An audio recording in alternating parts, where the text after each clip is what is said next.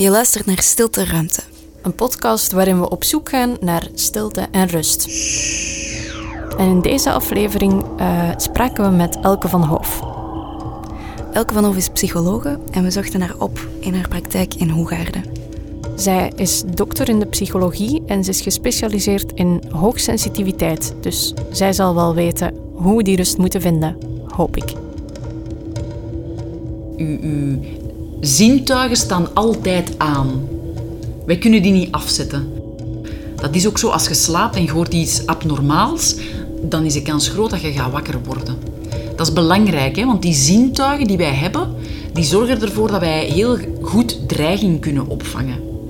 Maar natuurlijk, als die continu geprikkeld worden, als er continu ergens lawaai op staat, wil dat ook zeggen dat die oren continu de functies in de hersenen actief gaan houden. En dan kun je ook leren door je focus ergens anders op te zetten om die prikkels weg te duwen. Dus het hoeft niet altijd te zijn dat je jezelf uit de situatie verwijdert. Het kan ook zijn dat je in de situatie blijft zitten, maar doordat je technieken leert, een van de gemakkelijkste is dagdromen. Dat is voor veel mensen heel gemakkelijk als je even in stilte, je kunt dat ook doen met je ogen open, dan ziet niemand dat.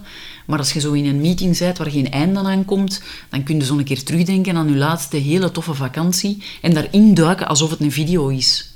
Dagdromen terwijl we bezig zijn is één ding, maar Elke vanaf benadrukt dat het ook belangrijk is om elke dag tijd te nemen om tot uzelf te komen. Idealiter heeft iedereen toch minstens één keer per dag 30 minuten oplaadtijd. Hè. En idealiter is dan een prikkelloze oplaadtijd. En dat is het strikte minimum. Dat is heel weinig, maar je zou verrast zijn van het aantal mensen vandaag de dag daar zelfs niet toe komen die tegenwoordig zit op uw wc met uw iPhone. Vroeger hadden de commuting time, hè, de tijd dat je van thuis naar je werk ging, dat is weg. Hè. Dat is ook allemaal gevuld met prikkels in ons hoofd te steken. Eigenlijk op zo'n momenten, en dat zou nu echt gemakkelijk zijn als bedrijven aanmoedigen, zeggen van in plaats van uw woon-werkverkeer vol te steken met vergaderingen, verwacht ik dat je uw woon-werkverkeer vol steekt met wandelingen in de natuur. Mensen zouden veel productiever zijn, veel gelukkiger ook, veel meer tevreden. Zelfs al zitten we in een vrijheidsbeperkende situatie alles moet iets opleveren. Maar zo zit de natuur niet in elkaar. Hè. De natuur is goed bekeken. De meerderheid van de dingen die gebeuren in de natuur levert niks op. Hè. Dat ontluikt gewoon. Dat streeft niet naar iets groter, iets beter, iets meer excellent. Dat streeft gewoon naar een goede vorm op dat moment. En dat is voor ons ook. Wij zijn ook een element in deze natuur. Dat is onze doelstelling. Dat is in een situatie een goede vorm van onszelf neerzetten en daar, daar op dat moment van genieten. Dat is ons doel. En niet continu achter iets aanhollen. Want dan zit je eigenlijk een ezel die zo continu achter een wortel zit te lopen. Maar die wortel is niet van u, want jij hebt die niet vast. Hè? Als jij die vast had, dan stak die in uw mond. Je loopt achter een wortel die niemand anders vast heeft. En dan kun je de vraag stellen, wil ik dat? En als je dat wilt, en jij wordt daar op dit moment gelukkig van, doen. Maar als je zegt van dat geeft mij spanning, ja, dan moet, kun je dus ook kiezen om dat niet te doen. Het niet doen, dat is uh, ja, de kwalijke dingen die niet passen in ons leven of die we eigenlijk niet willen doen. En ze heeft daar een specifieke term voor. Ja, die spanning benoemt ze als ruis. Alles wat, dat, wat dat je ongecontroleerd in je leven gebeurt, is ruis. Hè? Eh, en, en het is belangrijk om af en toe heel bewust te kiezen wat dat je doet met die ruis. Want ongecontroleerd, dat wil zeggen dat je dat daar maar zomaar laat gebeuren. En dat de kans dus bestaat dat dat altijd maar opbouwt. En voordat je het weet, dat je bijna doof wordt omdat er zoveel ruis is. En dat je je eigen stem niet meer hoort. En dat is vandaag voor heel veel mensen een groot probleem. Hè. Zij doen maar wat, zonder af en toe stil te staan bij wat wil ik eigenlijk zelf. Waardoor ze vaker in situaties terechtkomen dat ze zelf niet meer weten hoe ze daaruit moeten geraken. Ik geef u een concreet voorbeeld van, van mensen die, die real-time cases, mensen die, die bij ons komen in de zetel zitten omdat ze een burn-out hebben en die eigenlijk het gesprek beginnen met te zeggen, ja, ik weet wel van waar het komt, hè, want mijn grote droom was een restaurant beginnen. Maar ik dacht, ik ga eerst bij de bank werken om voldoende reserves aan te leggen, financieel. Zei die dame 16 jaar later. En dat maakt natuurlijk, dan begin je in de bank, dan kom je in een comfortzone, je krijgt een gouden kooi, want je hebt een auto en je hebt heel veel voordelen en je hebt een vastloon en je hebt... Dat is ruis, hè. Er gebeurt van alles dan ondertussen in je leven. Je kunt heel mooie kleren kopen, je krijgt daar veel complimenten van. En die ruis die maakt dat je eigenlijk je eigen pad vergeet. Maar je eigen pad is altijd sterker dan jezelf. En dat krijg je dan achteraf toch op een blaadje gepresenteerd. En dus vandaar, ruis, voor mij wil dat zeggen, al hetgeen dat je in je leven ongecontroleerd laat verlopen. We kunnen wij dat wel zeggen dat ons systeem niet goed is voor ons? Ik ben, natuurlijk beaam ik dat. Maar dat systeem dat draaide niet zomaar om, hè, want wij hebben dat daar zelf gezet. Hè. Wij hebben zelf gewenst om alles direct, nu, onmiddellijk succesvol op ons bord te krijgen. Dat hebben wij zelf gewenst. En wij, wij zitten nu in onze wens te leven en wij moeten nu eerst heel hard voelen dat dat pijn doet. Dat dat eigenlijk niet gezond is. En hoe harder dat wij dat voelen, hoe groter de kans dat we dat gaan omdraaien. Maar dat is wel wat mensen moeten beseffen. Want ik hoor dat allemaal wel graag zeggen, we moeten het systeem veranderen, maar van zodra dat je dan begint aan de, de, de, de dingen die acquis zijn te sleutelen, dan is ook voor de linkerkant het kot wel te klein natuurlijk. Als je bijvoorbeeld gaat sleutelen aan, aan we gaan mensen... Bijvoorbeeld, werk is een heel belangrijke hefboom voor veerkracht en welzijn. Maar als wij dan gaan sleutelen aan het huidige beleid van hoe wij omgaan met langdurige zieken, hoe dat wij die verzorgen. Wat goed is, hè, want begrijp mij niet verkeerd, ik vind mensen die ziek zijn, die hebben vooral ruimte nodig en recht op goede behandeling en ruimte om tot genezing te komen. Maar we moeten dat heel gericht doen. Want ondertussen hebben wij waanzinnig veel onderzoeksresultaten die tonen dat hoe sneller mensen terug werk kunnen doen, hoe rapper hun genezing en hoe duurzamer die effecten van die genezing en hoe vitaler ze zijn op het moment dat ze op pensioen gaan.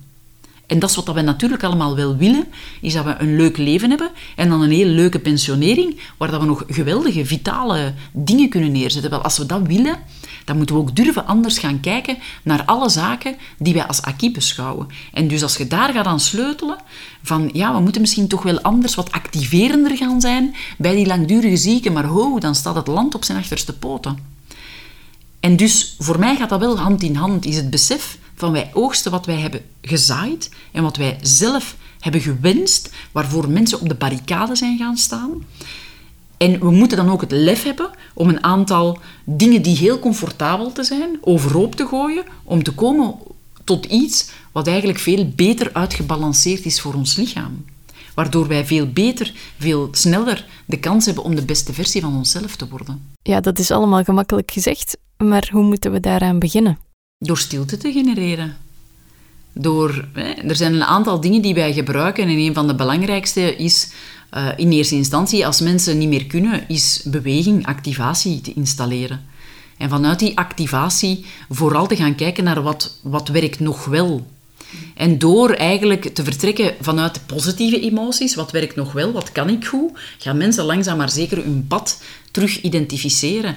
Zeker als we dat doen in combinatie met lichaamsgerichte uh, therapie, lichaamsgericht werken, psychomotorische psychotherapie, dat werkt heel goed. En dan daarnaast raden wij mensen aan om te gaan bewegen. Dat zijn eigenlijk drie manieren om de ruis, de stress uit je lichaam weg te werken, waardoor er veel meer ruimte komt in je hoofd en dat je eigenlijk weer kunt nadenken van wat wil ik zelf. En dat is een proces dat even duurt. Veel mensen hebben schrik van stilte, omdat er dan allerlei gedachten naar boven komen. Heel veel mensen kunnen niet zo goed tegen al die gedachten die komen. Ik moet nog schilderen, ik moet nog kuisen. Ah, hè, de vaat staat hier nog beneden, ik zou dat nog moeten doen. Terwijl uiteindelijk om uw pad te vinden en uw eigen weg naar boven te laten komen, uw eigen goestingsjes naar boven te laten drijven, is het soms belangrijk om te wachten. En heel veel mensen vluchten dus in allerhande activiteiten in de hoop dat ze dan die eigen gedachten niet moeten horen, maar omdat ze daar niet doorgaan, gaan ze ook nooit horen wat de innerlijke stem eigenlijk zegt. Gaan ze ook nooit hun eigen goesting kunnen rieken in al hetgeen dat ze proberen. En dat is wel essentieel. Dus voor mij is dat een stap terug, hè, ook weer om te verwijzen naar het Frans. En dan zeggen ze zo mooi reculer pour mieux sauter. Dat is eigenlijk wat voor mij dat inhoudt, hè, stilte. Eh, ik heb onlangs nog een interview gegeven en daar had ik het over luieren. En voor mij gaan die twee hand in hand. Hè. In alle stilte hangen. Zien hoe snel dat uw gras groeit. Uh, Elke van Hoof gaf zelf aan dat ze daar enorm goed in is, in luieren, in stilte rondhangen. Door naar buiten te kijken. Ze heeft ook echt haar bureau zo ingericht dat er kussentjes op de vensterbanken liggen, dat ze naar buiten kan kijken, naar de tuin. Ehm, en wat ze net ook zei, het is belangrijk om af en toe een stap terug te zetten om daarna een betere prestatie te kunnen leveren. Ja, maar heel veel mensen zijn in onze tijd er eigenlijk van overtuigd dat een soort van leegte iets heel eng is.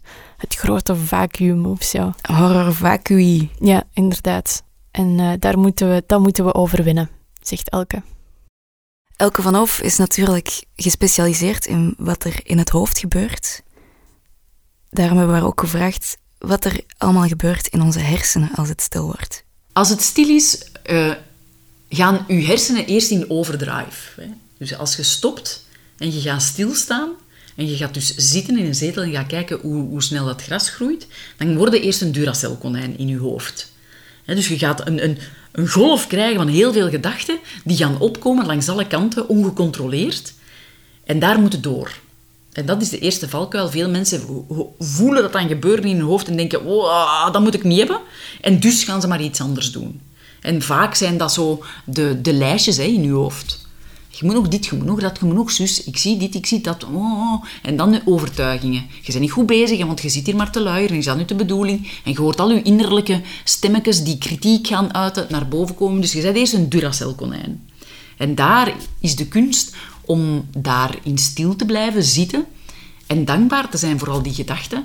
Want wij kunnen nog altijd kiezen waar we onze aandacht naar richten. Victor Frankl heeft het eigenlijk al gezegd, dat tussen een stimulus en een respons is er de vrijheid van keuze. Dus het is niet omdat we die gedachten horen, dat we die ook direct aandacht moeten geven. We kunnen ook die gedachten horen en in die ruimte beslissen dat we naar die gedachten gaan kijken alsof het wolken zijn die passeren aan de lucht. En dat we die dus geen aandacht geven, dat we dat erkennen dat dat passeert, maar dat we daar niet gaan over nadenken actief. En dan stopt dat ook. Dus dat Duracell-konijn, dat stopt en dan wordt het rustig in je hoofd. En wat gebeurt er als het rustig wordt in je hoofd? Dan vloept er af en toe nog iets naar boven, maar ook niet gestructureerd, maar veel langzamer. En wat krijg je dan? Dat is uw default-netwerk, noemen wij dat. Gaat actief worden. En uw default-netwerk, dat zijn bepaalde regio's, helemaal verspreid in uw brein, die actief worden. En dat toont dus echt dat rust nemen een bewust actief proces is. Want die verschillende regio's zijn verspreid over uw brein, van voor naar achter, van links naar rechts. En dat toont eigenlijk activatie zonder een doel, zonder een intentie.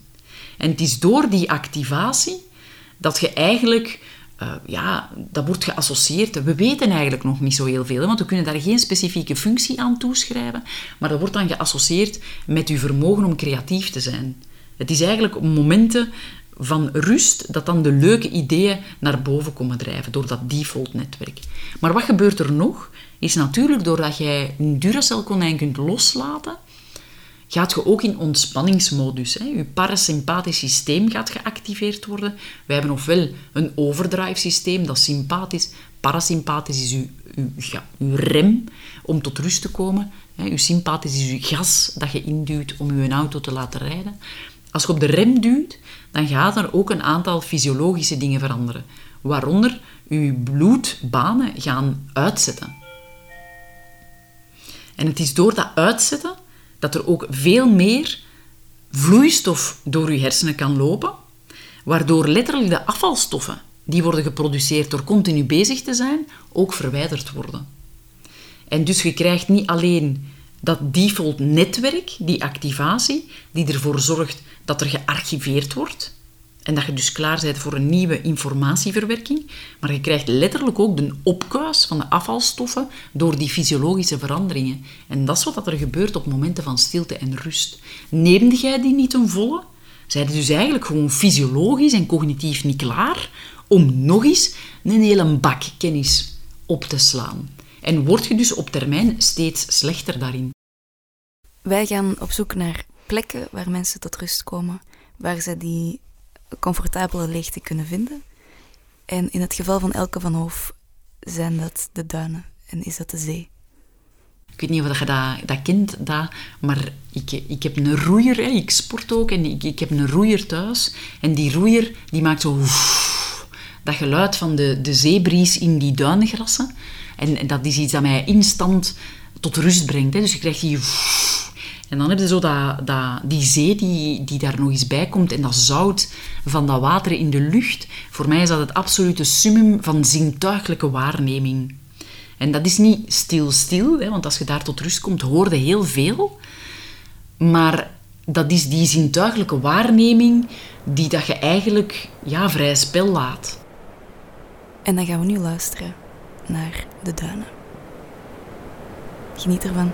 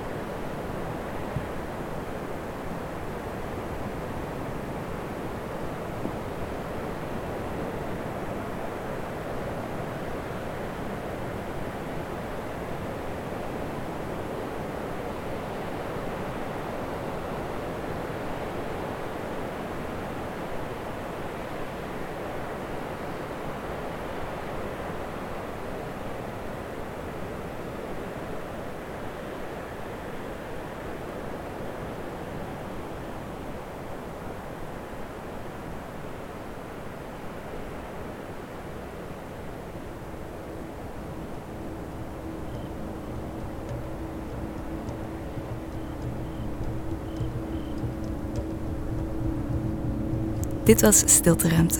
Opgenomen in de kelders van BNA BBOT, het Brusselse Geluidsarchief. Bedankt Omar Hobo voor de technische ondersteuning. En bedankt Robbe Petitjean voor montage en ook voor regie. Wij waren Lilith en Anna van Stilteruimte VZ2. En je kan ons een duwtje in de rug geven door ons te steunen op crowdfunding.be slash stilteruimte.